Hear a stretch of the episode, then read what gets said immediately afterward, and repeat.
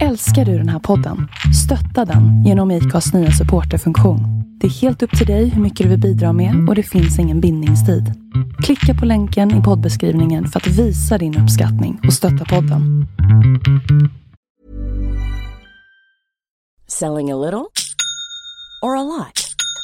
Shopify helps you do your thing however you cha-ching. Shopify is the global commerce platform that helps you sell at every stage of your business. From the launch your online shop stage to the first real life store stage, all the way to the did we just hit a million orders stage.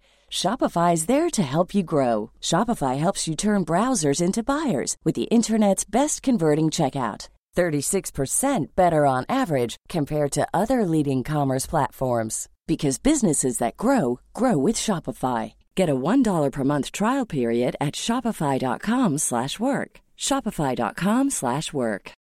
Millions of people have lost weight with personalized plans from Noom, like Evan, who can't stand salads and still lost 50 pounds. Salads generally for most people are the easy button, right? For me, that wasn't an option. I never really was a salad guy. That's just not who I am. But Noom worked for me. Get your personalized plan today at Noom.com. Real Noom user compensated to provide their story. In four weeks, the typical Noom user can expect to lose one to two pounds per week. Individual results may vary. Hej och välkomna till avsnitt 100 av podden Vi går till historien. Får jag höra en fanfar? Ja, det är ju helt otroligt avsnitt 100. Eh, och eh, det säger Ulf Gebsjö som pratar då med Fredrik. Och eh, jag tänkte vi skulle tillägna en stor del av det till 1600-talets kanske mest kända och mest intressanta person, drottning Kristina, som vi nu kommer att ta upp för sista gången. Du, du, du, Där kom fanfaren.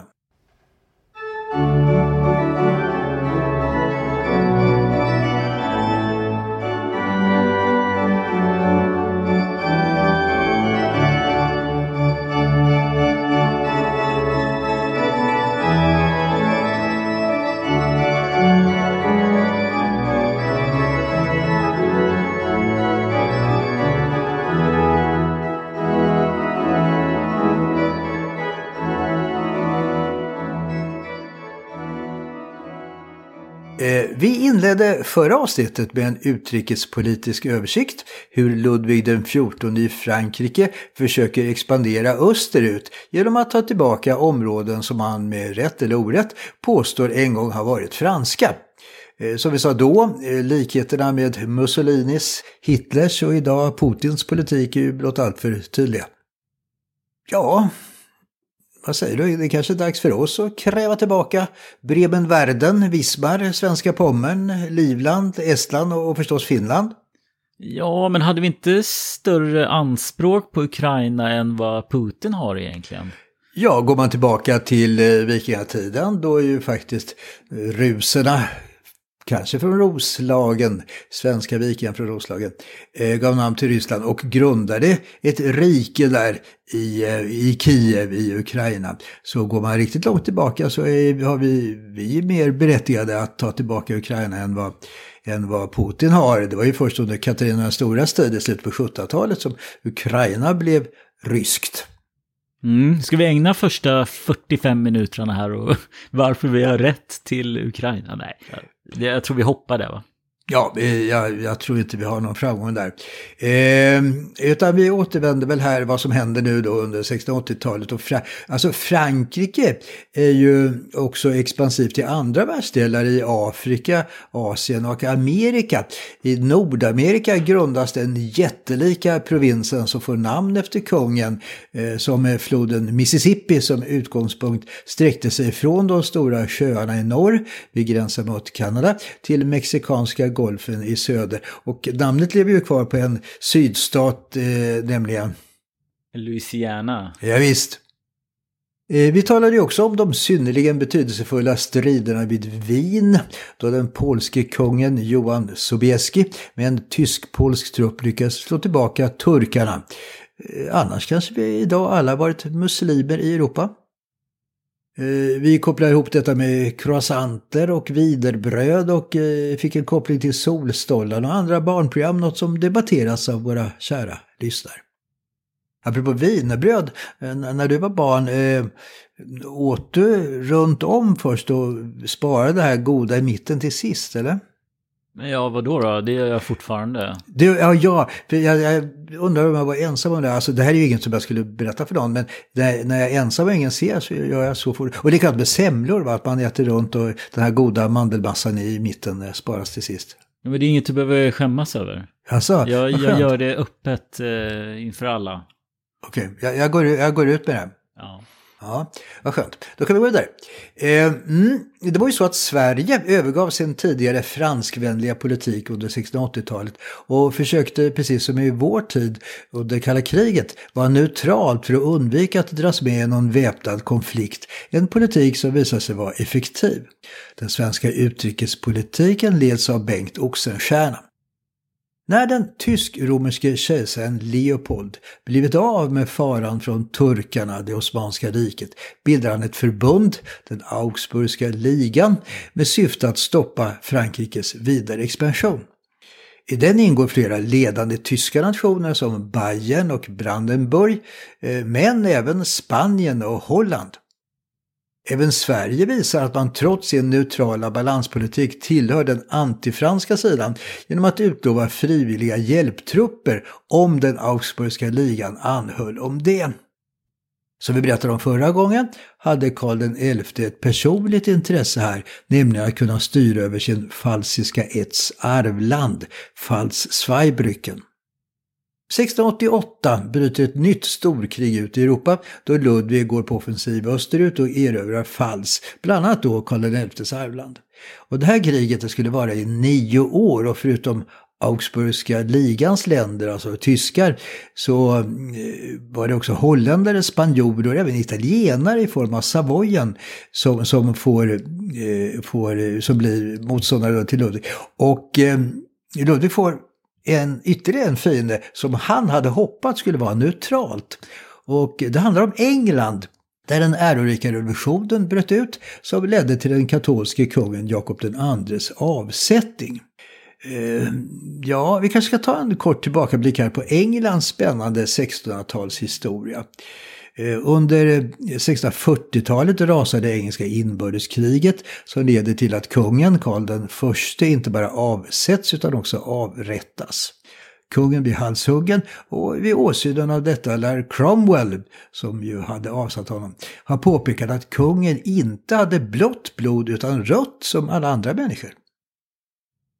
England och Skottland blir en republik under Oliver Cromwell och under 1650-talet råder hans hårda puritanska, strängt religiösa politik.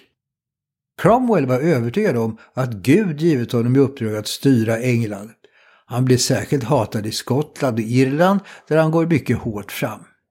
Skottarna som var presbyterianer, en kalvinistisk form av protestantismen, ser han som drabbade av villfarelse. Men de irländska katolikerna hatar han. De är en del av antikrist eh, som vildar, som barbariska kräk som man uttrycker det. Många mördas eller skickas som slavarbetare till Barbados. Men efter Cromwells död 1658 sker restaurationen då monarkin återupprättas under Karl Is son Karl II. Cromwells lik grävs upp och man utsätter det eh, så att säga postumt för den tredelade avrättningsmetoden hanged, drawn and quartered.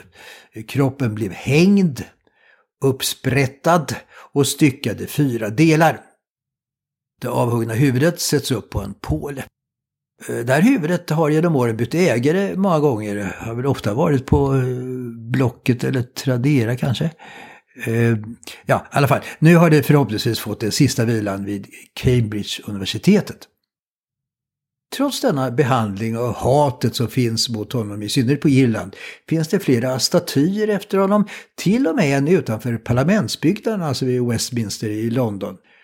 Och han kom på tionde plats i en omröstning om de största britterna genom tiderna.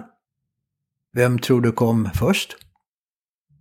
Ja, inte det självklart uh, Churchill? Eller vänta. Ex jo, det är rätt. Det är rätt. Ja, ja, men vänta, vänta. Var kom uh, Shakespeare in då? Ja, han, eh, Shakespeare kom femma. Ja, dålig. Vem kom fyra då? Ja, eh, ska vi gå nedåt Ja, här? Ta topp fem, topp fem bara. Jag kan ta topp 10 faktiskt. Eh, och jag, eftersom vi börjar med Cromwell. För nio är Lord Nelson. Åtta är John Lennon. Tjua är drottning Elizabeth den första. Sexa är Isaac Newton. Femma är alltså Shakespeare. Fyra är, är det någon du saknar nu? Ja, det är det ju säkert. Vi går tillbaka Darwin. till... Darwin. Exakt, exakt. Skickligt. Fyra är Darwin. Men trean, det är ett nutida fenomen, eller ganska nutida, nämligen... Åh nej. Eh, det är ganska otroligt egentligen. Ja, men det, ja. Okej, men kör då, jag kan inte. Ja, det är precis som Diana. Ah, herregud. Men det märkligaste, tycker jag, det är tvåan. För det är en som jag tror de flesta aldrig hört talas om. Det är en, eh, en kille som heter, han var ju fransman för bland annat, heter Brunel, jag vet inte på engelska, Brunel eller vad. Och eh, har du hört talas om, om honom? Alltså B-R-U-N-E-L? Nej, Inte, inte jag heller. Och eh, han är alltså känd eh, för att han byggde den engelska järnvägen som ju fick då väldigt stor betydelse i, industrialismens 1800-tal. Den store järnvägsbyggaren. Ja, ja, ja, ja. Ja, det är ju det är klart bättre än vad John Lennon bidrog med i och för sig. Men, eh, Eller prinsessan Diana. Eh, Men två andra plats, ja, svagt. Ja, okej, ja, men, Ja, li- lite oväntat, eller ja, mycket oväntat. oväntat. Mm. Eh, Nå, efter Cromwell kom ju så restaurationen med Karl II som sagt. The Merry Monarch, så kontrasten kan inte bli större, ett mycket glatt och lössläppt hovliv. Men man hade ju en hel del att ta igen efter de tunga åren under Cromwell. Nu fungerar parlamentet igen, som ju Cromwell hade stängt. Och det är nu som de här båda partierna, Tories och Whigs, eh, skapas. Karl II är gift med en portugisisk och därmed då katolsk prinsessa Katarina som får en rad missfall och dödfödda barn, inget tyvärr som lever vidare. Så därför blir Karls bror Jakob, som är katolik, kronprins. Han har titeln hertig av York och eh, faktiskt den som ändrar namnet på New Amsterdam till New York när engelsmännen tar över staden från holländarna. Och när vi är inne på den staden kan vi nämna att det är denna drottning Katarina som är upphov till en stadsdel i New York. Kan du tänka dig vilken? Som syftar på hennes titel. Ja. Queens förstås. Ja visst, ja, visst. Det blir inte så många poäng, det, var, det blir lite för lätt. Jag tror. Eh, ja, Queens ja. Det är det område i USA som lär vara mest mångkulturellt. Eh, Karl II får alltså inga barn med sin drottning, men mängder med barn med sina många älskarinnor. Han erkänner 14 av dessa barn. En poäng är att både prinsessan Dianas anfader och nuvarande drottning Camillas anfader är två av dessa utomäktenskapliga söner. Så, prins William, Englands nuvarande tronföljare, är alltså en ättling till Karl II. När Karl II dör 1685 efterträds han alltså av brodern Jakob den andre. Men efter bara tre år blir han avsatt efter den ärorika revolutionen. Och bakgrunden är det ökade missnöjet med kungens prokatolska politik där han tillsätter allt fler katoliker på ledande poster i samhället. Hans döttrar, Maria och Anna, är däremot protestanter och den äldsta, Maria, gifter sig med den holländske prinsen Wilhelm av Oranien. De protestantiska engelsmännen, som ju var i klar majoritet, bidar nu sin tid och väntar på att England efter Jakobs död ska styras av den protestantiska dottern och hennes man. Men när Jakobs protestantiska hustru dör gifter Jakob om sig med en italiensk katolsk prinsessa och de får 1688 en son, Jakob. Och han går som pojke förbi sina halvsystrar i tronföljden och kommer att uppfostras som katolik. Båda hans föräldrar är ju katoliker. Med andra ord, kommer nu England för överskådlig framtid styras av katolska regenter. Och det är bakgrunden till den ärorika revolutionen. Jakob II svärson, den nederländske ståthållaren Wilhelm av Oranien, landstiger England med trupper från Holland, hälsas som alltså befriare, avsätter svärfar från tronen som flyr med hustru och en liten son till Frankrike där han får ett slott av Ludvig XIV. Revolutionen kallas den ärorika eftersom den var oblodig. Inga ställde upp för den legitime kungens och den legitime kronprinsens försvar. Så ja, kanske vore riktigare att kalla det för en statskupp istället för en revolution. Wilhelm och Maria utropas till Englands nya kungapar. Alltså Wilhelm blir inte eh, någon prinsgemål här som eh, eh, prins Philip till Elisabeth II, eh, utan han blir kung, Wilhelm III. Och Wilhelm III, han kan nu ansluta även England till Frankrikes fiender. I det nya storkrig som alltså bryter ut samma år som den ärorika revolutionen skulle alltså vara i nio år fram till 1697. Frankrike lyckas hålla alla sina fiender stången till lands medan de nu förenade engelsk-holländska flottorna besegrar fransmännen i flera sjöslag. Karl XI försöker alltså balansera mellan sidorna här, även om man ser Ludvig XIV som sin motståndare. Eh, och, ja, eh, alltså, även om man gör det så vill han ju inte heller att den katolske kejsaren ska bli för mäktig igen som vid 30 krigets inledning då de nordtyska protestantiska staterna och i förlängningen det protestantiska Norden hotades. Och det var heller inte önskvärt, tycker han, att Wilhelm III, ledaren nu för både Nederländerna och England, skulle dominera haven och handeln. Även om Karl XI och Bengt Oxenstierna är ett sammansvetsat team med sin antifranska inställning finns det andra av kungens män som fortfarande har en mer franskvänlig inställning som Nils Bjelke och Erik Lindsköld, den östgötske Skänningesonen eh, vars klassresa vi vid flera tillfällen berättade om. Han var en riktig frankofil, älskade fransk konst och litteratur och stor anhängare av det kungliga enväldet med Ludvig XIV som beundrad förebild.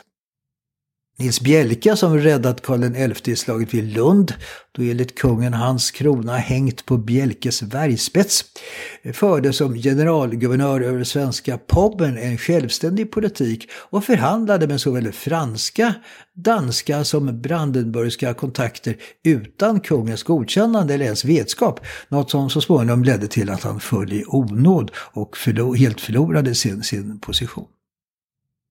Karl XI är mycket ovillig att låta svenska hjälptrupper stödja den antifranska sidan och försöker med olika undflykter undvika det när kejsaren begär det. Han skriver till Nils Bjelke, citat, Vårt folk är för gott att föras till slaktebänken. Och eh, vid ett senare tillfälle skriver kungen, våra trupper är oss för kära och kosteliga att vi skulle låta på detta sätt kasta vant med dem och låta dem förgås.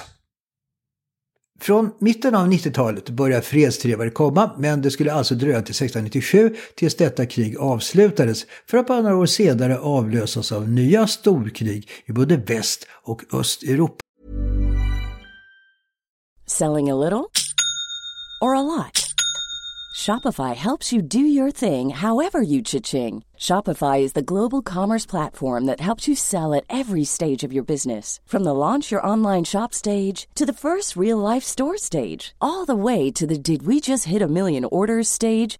Shopify is there to help you grow. Shopify helps you turn browsers into buyers with the internet's best converting checkout. 36% better on average compared to other leading commerce platforms because businesses that grow grow with Shopify. Get a $1 per month trial period at shopify.com/work. shopify.com/work. Ryan Reynolds here from Mint Mobile. With the price of just about everything going up during inflation, we thought we'd bring our prices down. So to help us, we brought in a reverse auctioneer, which is apparently a thing. Mint Mobile unlimited premium wireless. Ready to get 30, 30, bit to get 30, bit to get 20, 20, 20, bit to get 20, 20, bit to get 15, 15, 15, 15 just 15 bucks a month. So, Give it a try at mintmobile.com/switch. slash $45 up front for 3 months plus taxes and fees. Promo rate for new customers for limited time. Unlimited more than 40 gigabytes per month slows. Full terms at mintmobile.com. Millions of people have lost weight with personalized plans from Noom, like Evan, who can't stand salads and still lost 50 pounds. Salads, generally, for most people, are the easy button, right? For me, that wasn't an option. I never really was a salad guy. That's just not who I am. But Noom worked for me. Get your personalized plan today at Noom.com. Real Noom user compensated to provide their story. In four weeks, the typical Noom user can expect to lose one to two pounds per week. Individual results may vary. Vi lämnar så detta för att ägna resten av vårt jubileumsprogram åt de sista åren av 1600-talets kanske allra mest intressanta svenska personlighet, drottning Kristina. Kristina, född 1626, enda barn till Gustav II Adolf och Maria Eleonora, drottning vid sex års ålder efter faderns död vid Lützen, Eh, förlorade den något instabila modern som förmyndare, intelligent, lätt för studier under rikskansler Axel Oxenstierna, mer intresserad av manliga fritidssysselsättningar som ridning istället för handarbete. Uppfostrad som en pojke för sin framtida uppgift som regent. Myndig som 18-åring, självständigt regerande. Mycket intresserad av konst och kultur, samlar på böcker och konst, lärda män vid hovet med Descartes i spetsen. Eh, då hon är ovillig att gifta sig utser hon kusinen Carl Gustaf till tronföljare. Dyrbar kröning 1650. Men bara fyra år senare abdikerar hon, konverterar till katolicismen i Innsbruck och gör sedan sitt högtidliga intåg i Rom. Det här var ju en otrolig händelse. Dottern till hjältekonungen Gustav II Adolf den store, som offrar sitt liv i kampen mot katolicismen, blir själv katolik. En enorm propagandatriumf för påven och katolska kyrkan. Men Kristina är en självständig kvinna som inte blir det lydiga redskap för Vatikanen som man hoppats på. Kardinal Assolino blir hennes rådgivare och vän, den person som kommer att stå henne närmast i livet. Hon försöker med fransk hjälp bli drottning i Neapel, vilket misslyckas. Och efter att ha låtit avrätta sin hovstallmästare Monaldesco vänds drastiskt hennes tidigare popularitet, framförallt i Frankrike. Vid två tillfällen återvänder hon till Sverige, men möts med misstänksamhet eh, första gången för arvsanspråk efter kusin Carl Gustafs död, eh, eller vid andra tillfället för att smuggla in katoliker. Ett nytt försök att bli drottning nu i Polen efter den sista Vasakungens abdikation där misslyckas också. När hon 1668 är tillbaka i Rom är det för att aldrig mer lämna den eviga staden. Under dessa sista 20 år i livet lämnar hon sina politiska ambitioner men blir centrum för ett rikt kulturliv, inte minst inom teater och musik. Vi har tidigare berättat om hur de skapar en egen akademi och inrättar en teater i sitt Palazzo Riario. Kristina var ju oerhört beläst, hade bortåt 5500 böcker och närmare 2200 handskrifter, stor del krigsbyten från 30-åriga kriget, i sitt bibliotek. Men nu ville hon, ivrigt påhejad av kardinal Assolino, skriva själv och då bland annat skriva sina memoarer, en självbiografi. En anledning är att hon är medveten om att hon är en kontroversiell figur som en del har negativa tankar om. Hon skriver i ett brev, citat. Smädelse riktas vanligen mot dem som har de största förtjänsterna. För min del är jag van vid människosläktets otacksamhet och ondska. Jag är sedan lång tid tillbaka offer för avundens vrede och lögner. Min tröst är emellertid att mitt samvete inte förebrår mig någonting som vore mig ovärdigt. Ja, vad säger du om en sån reflektion? Mm, självupptagen. Självmedveten. ja, så var det ju. Eh, hon skriver på franska, som hon behärskar till fulländning. Men det går långsamt, hon skriver om texterna gång på gång. Eh, självbiografin skulle sen bara omfatta hennes tidiga barndom. Hon ger här uttryck för sitt förakt för modern. Hon kunde icke tåla mig, ty, sa hon, jag var flicka och jag var ful. Hon kritiserar för övrigt kvinnor i allmänhet och menar att en kvinna inte ska regera ett land. Kvinnor är svaga och känslostyrda. Samtidigt framhåller hon att hon själv saknar kvinnors negativa egenskaper. Ett annat tema i boken är den starka gudstro som hon haft redan som barn. Men Självbiografin slutar med att hon fyller sex år och den älskade faderns död. Det var ju fadern, inte modern, som hon identifierar sig med. Ja, de flesta människor har ju inte så många minnen från så tidig ålder, vilket gör att hon ju måste återge berättelser som hon fått av andra, e-, e-, eller hur? Det, egentligen kan det inte vara så mycket egna minnen. Ja, men är inte de flesta självbiografier eh, lite hittepå och lite sånt där? Jag tror, jag tror inte, jag tror inte man ska överskatta sanningshalten i någon Nej. biografi. Nej, eh, det är sant.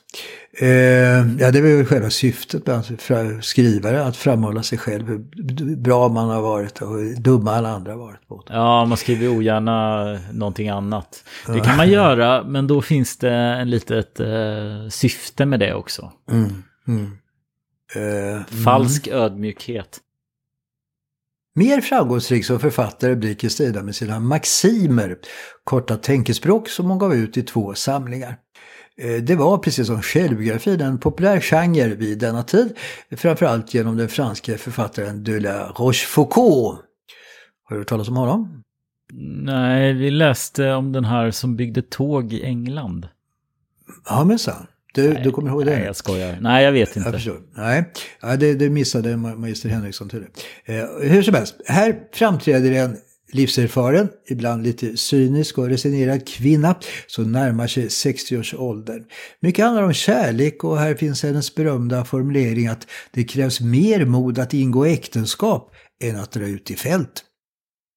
Hon skriver att, citat, kärleken alltid existerar oavsett om den är lycklig eller olycklig.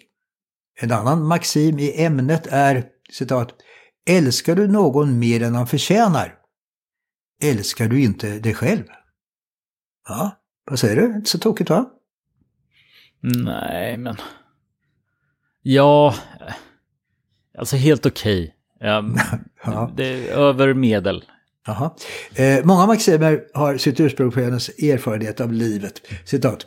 Att äga utomordentlig förtjänst är ett brott som sällan blir förlåtet. Det där kan man ju relatera till, eller? Jag förstod, förstod inte riktigt. Jag tar det en gång till. Att äga utomordentlig förtjänst är ett brott som sällan blir förlåtet. Ja, att eh, avundsjuka då, eller? Mm, ja, ja. Att ja. man har... ja, ja. Ja, jo, ja, men det är, det är dagligt bekymmer, ja. Mm. Eh, ja. En annan, eh, citat. Man urskiljer och uppskattar med svårighet de förtjänster man icke själv äger. Det tycker jag är mycket sant också, eller hur? Ta det igen då. Jag tar det igen. Ja. Man urskiljer och uppskattar med svårighet de förtjänster man icke själv äger. Alltså menar, man så här, det är inte ofta någon kompletterar en, tänker man. Utan man tänker att den är fel för att den inte är som jag. Ja, lite så. Ja. Alltså förtjänster man inte själv har, det, det uppskattar man inte hos andra. Nej. Jag gillar i och för sig noggranna människor. Mm. Ja, den håller, ja, den håller jag inte med om. Nej, ja, fortsätt, fortsätt. Okej, okej. Ja, eh, Kristina bodde i nästan 30 år i Rom. Hennes palats blir inte bara en samlingsplats för intellektuella och kulturpersonligheter utan också en rättslig fristat för människor som är förföljda av olika skäl. Roms myndigheter har inga rättigheter att arrestera personer som befinner sig där. Det är en fredad zon. Påven sedan 1676, Innocentius den elfte, är någon som Kristina inte kommer så väl överens med.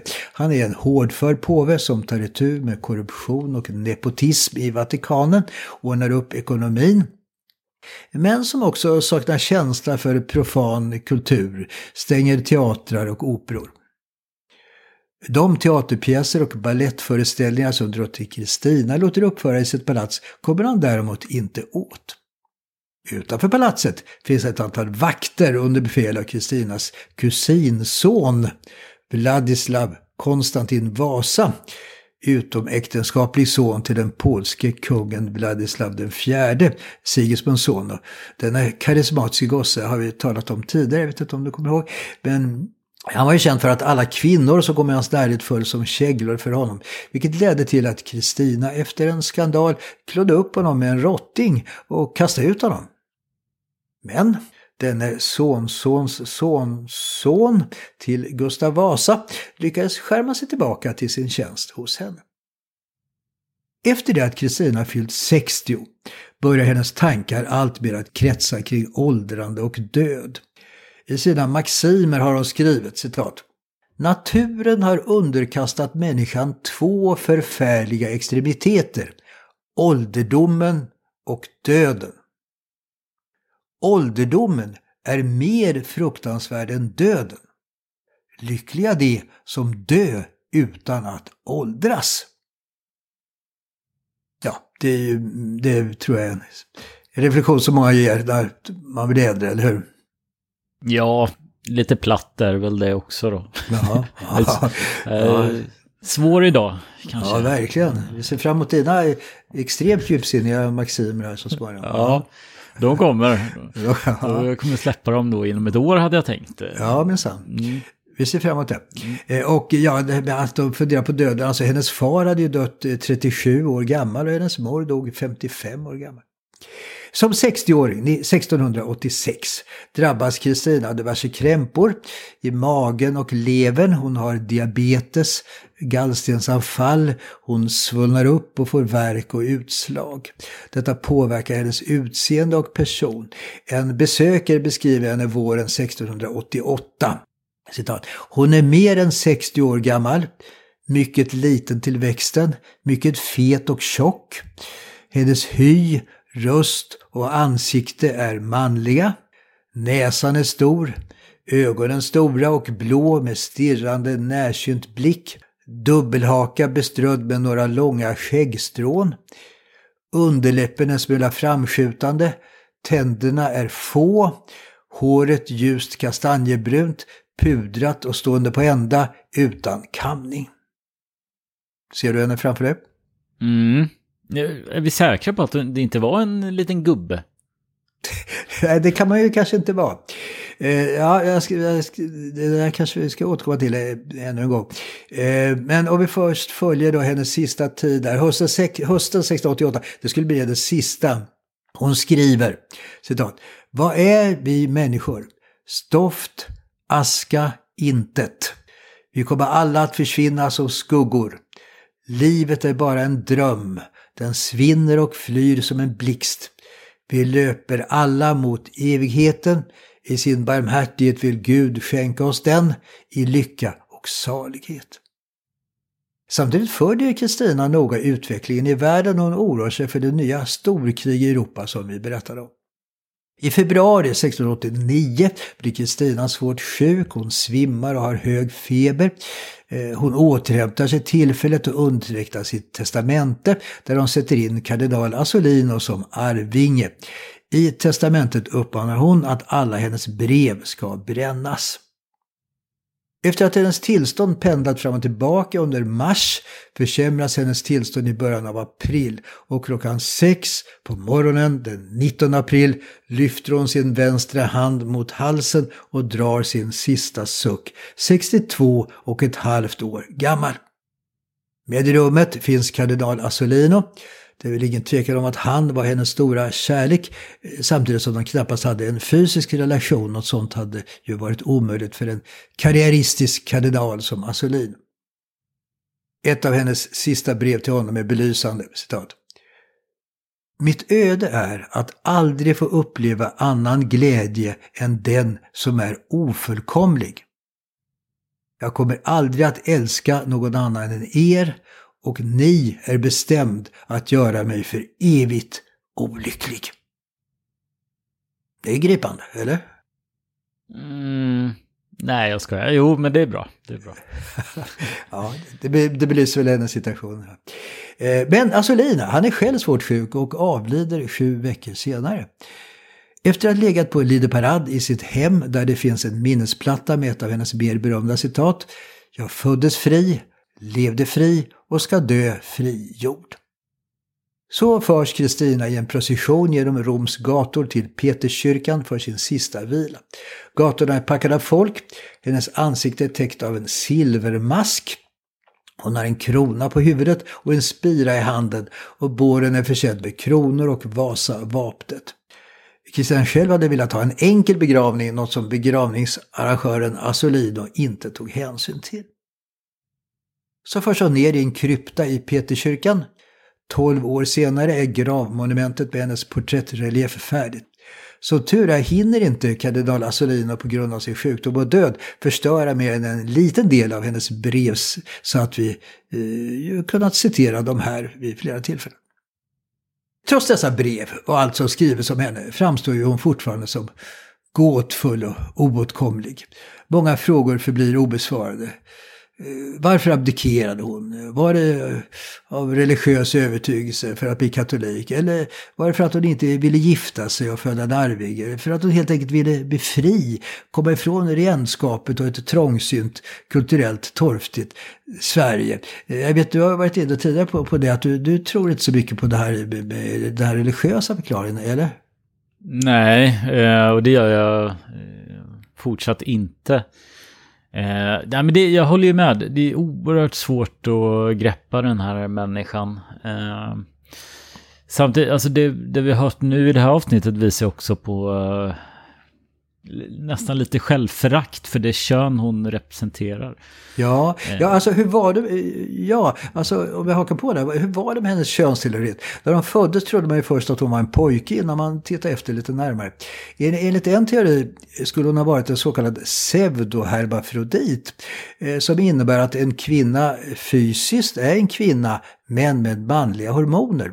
Kanske Kristina själv svarar på frågan när hon skriver att hon tackar Gud för att hon fötts som flicka samtidigt som, citat, du i din nåd bevarat mig från mitt köns svagheter i det du utrustat både min kropp och min själ med manliga egenskaper.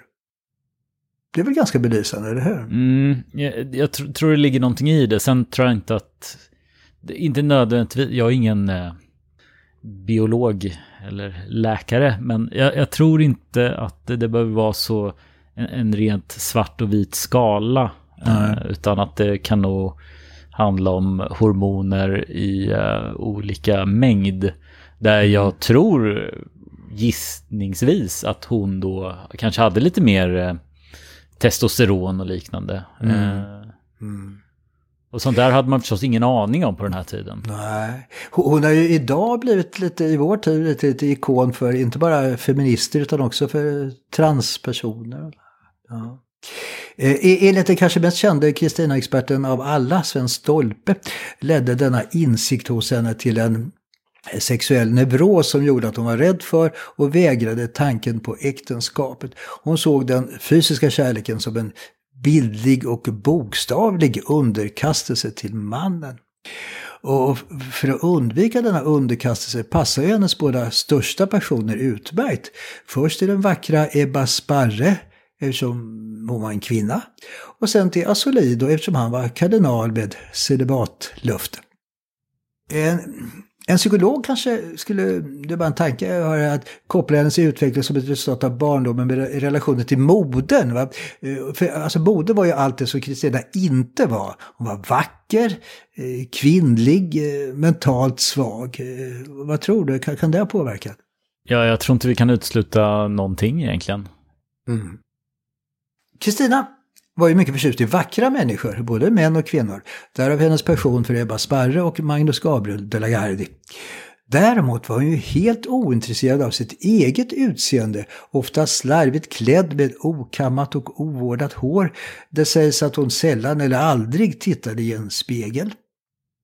Något man kan vara överens om är att Kristina var en intelligent, bildad och vetgirig mycket stark och självständig kvinna som gick sin egen väg, såg sig själv som mycket unik. Inte underordna sig någon, inte ens påvarna. Eh, bildad och vetgirig, mån om sin kungliga status, eh, tyckte om att vara uppmärksammad och omtalad. År 1965 öppnar man hennes grav. Bara silvermasken, kronan och spiran är intakta. Men Vid kraniet finns fortfarande kvar några mörkbruna hårlockar. Det finns ju ett stort antal böcker, teaterpjäser, operor, filmer som handlar om drottning Kristina. Redan under hennes livstid skrev den berömde spanske dramatikern Calderon, han med Livet en dröm, eh, två pjäser om henne. Och Gustav III skrev tillsammans med den då ledande svenska författaren Johan Henrik Källgren hyllningsdramat Kristina med premiär 1785 på den fantastiska teatern på Gripsholm. Eh, där har det varit en teater som ju ser likadan ut idag, helt magisk, eller hur? Mm. Under 1800-talet kom flera dramer om Kristina och naturligtvis har August Strindberg skrivit en pjäs om henne, precis som han skrev dramer om Gustav Vasa, Erik XIV, Gustav Adolf, Karl XII och Gustav III. Den pjäsen skrevs eh, på tre veckor efter det att Strindberg övergivits av sin tredje fru, Harriet Bosse. Eh, det var ju det äktenskapet som inleddes med den 52-årige Strindbergs berömda frierireplik till den 23-åriga Harriet. Fröken Bosse, skulle ni vilja ha ett litet barn med mig? Eh, kommer du ihåg hur hon svarade? Nej, jag kommer inte ihåg för jag tror inte jag har hört det förut. Nej, okej. Okay. Eh, jo, hon niger djupt och svarar ja, tack. Äktenskapet varade bara tre år, men de fick en dotter, Ann-Marie, som faktiskt dog först 2007 i den unika åldern 105 år. Alltså 2007, hon borde, det borde ju ha varit otroligt intressant att, att intervjua henne där. Hon skulle ha suttit i, i någon sån här tv-soffa eller på någon brygga. Eh, jag menar, hon var ju alltså tio år när pappa August Strindberg dog. Hon måste ju ha haft många minnen av honom, eller hur? Så, så mycket mer intressant att höra henne än, än Henrik Schyffert eller, eller Marianne Mörk eller Jonas Gardell eller Gunde Svan, eller? Mm, kan du inte ta upp några eh, mediapersonligheter så att vi bildar ett sånt här poddkrig så att vi blir uppmärksammade och... Ja, det, det, här kanske var ett första försök. Ja, exakt. Har vi några fler podd... Nej. Ja, vi, vi får se om det blir några reaktioner. Eh, ja, alltså Strindberg han ger inte oväntat en negativ bild av Kristina, kanske påverkad av skilsmässan från Harriet Bosse. Hans båda tidigare äktenskap med Siri von Essen och Frida Ohl hade ju också slutat med skilsmässor. Kristina framstår här som en mycket självupptagen och opolitlig kvinna, oförmögen till en nära relation till en annan människa. Den klassiska filmen om Kristina gjordes redan 1933. Eh, vet du vem som hade huvudrollen där, titelrollen där, som spelade Kristina. Eh, den klassiska eh, svenska skådespelerskan som kom till Hollywood på 20-talet. Mm. Och det kan väl vara bara två stycken, Greta Garbo eller Ingrid Bergman. Mm. Ja, det är ju Greta Garbo ja. Och hon, hon passar ju perfekt i rollen med sitt androgyna utseende. Det sägs ju att en skygga skådespelerskan hade både manliga och kvinnliga älskare. Eh, filmen slutar med att Kristina flyr Sverige på en båt stående i dess för. Vinden blåser i hennes hår. Eh, det är lite grann som den här Titanic-slutet. Eh, I alla fall, Greta Garbo frågade sin regissör om vilket ansiktsuttryck hon skulle ha, vad hon skulle tänka på. Regissören svarade Ingenting. Ditt ansikte ska vara ett tomt pappersark. Publiken ska vara de som skriver. Ja, frågan är hur våra kära lyssnare efter denna noggranna analys ska fylla ett tomt pappersark om denna spännande och fortfarande så fascinerande kvinna. Eh, I vår tid har Kristina tolkats på film och på scenen i många dramer, operor och baletter i olika uppsättningar, till exempel Liv Ullman, Lena Nyman och Vanna Rosenberg. Och eh, om jag frågar dig med dina knivskarpa analyser Fredrik, hur skulle du vilja kort sammanfatta Kristina efter allt vi har pratat om här nu? Mm, nu är det ju en podd här så folk kan inte se, eh, se hur jag ser ut nu. Men alltså mitt ansikte är som ett tomt blad här. Eh, så att jag överlämnar till lyssnarna med en egen analys. Nej, eh, jag kan väl försöka mig på någonting. Eh, mm. Jag tror som sagt, jag har varit inne på då att eh, jag tror att eh, hon ångrade sig när hon eh, lämnade den svenska tronen. Eh, jag tror nu, jag har ju lärt mig mycket nu, jag, jag tror mycket mm. det handlar om det här att hon var kanske livrädd för kraven att få en arvinge. Mm. Eh, och då var det mycket lättare att lämna över till någon ja, som stod henne nära så att säga. Men jag tror hon saknar den där makten, vilket gör det så mm. svårt då för, för oss att förstå varför hon gjorde det när hon uppenbarligen hade ambitioner sen hela livet på att komma tillbaka till någon form av makt. Men jag tror mycket riktigt eh, att det handlade om att, att hon inte ville axla det här ansvaret med, med just en arvinge. För, för det är ju mm. krav som definitivt skulle ställas på henne. Definitivt. Mm. Sen tror jag hon hade lite av det här självföraktet att hon, att hon kanske var en kvinna då. Och på, jag menar på den här tiden så, så hade man det väl definitivt inte så lätt eh, som kvinna.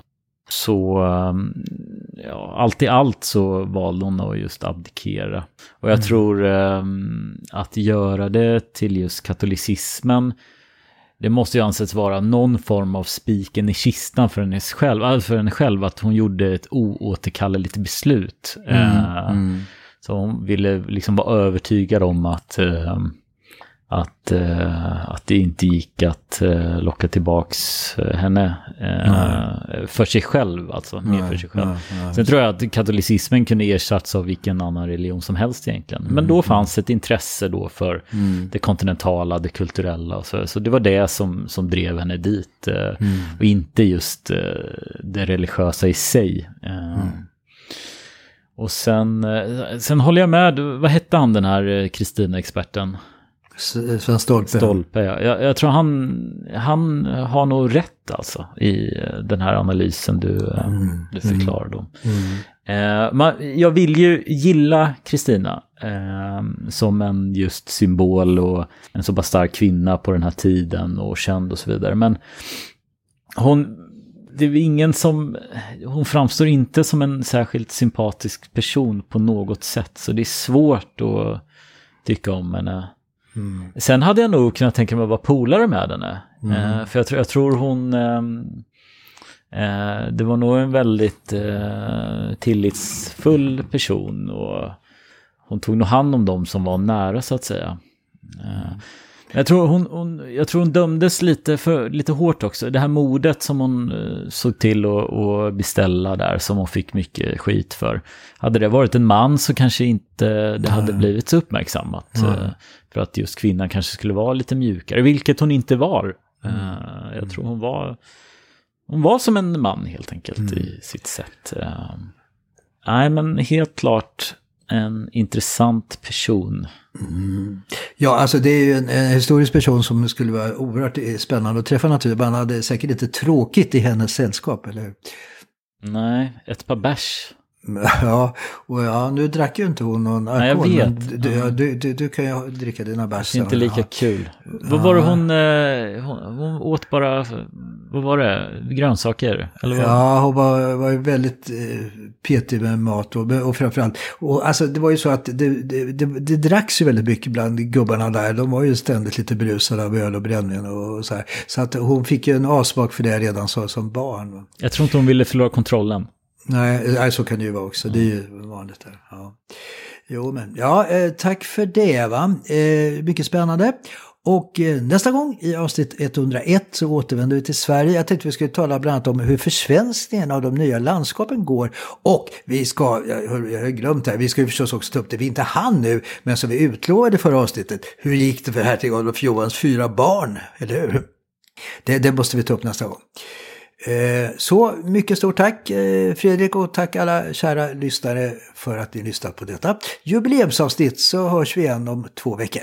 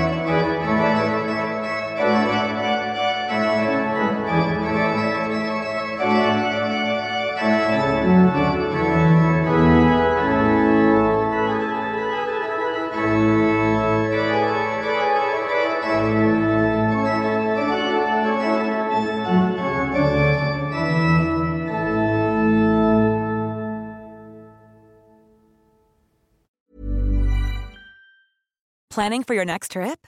Elevate your travel style with Quince. Quince has all the jet setting essentials you'll want for your next getaway, like European linen, premium luggage options, buttery soft Italian leather bags, and so much more. And is all priced at 50 to 80% less than similar brands. Plus, Quince only works with factories that use safe and ethical manufacturing practices. Pack your bags with high-quality essentials you'll be wearing for vacations to come with Quince. Go to quince.com/pack for free shipping and 365-day returns. Imagine the softest sheets you've ever felt. Now imagine them getting even softer over time. That's what you'll feel with Bowl and Branch's organic cotton sheets. In a recent customer survey, 96% replied that Bowl and Branch sheets get softer with every wash. Start getting your best night's sleep in these sheets that get softer and softer for years to come. Try their sheets with a 30-night guarantee. Plus, get 15% off your first order at bowlandbranch.com. Code BUTTERY. Exclusions apply. See site for details.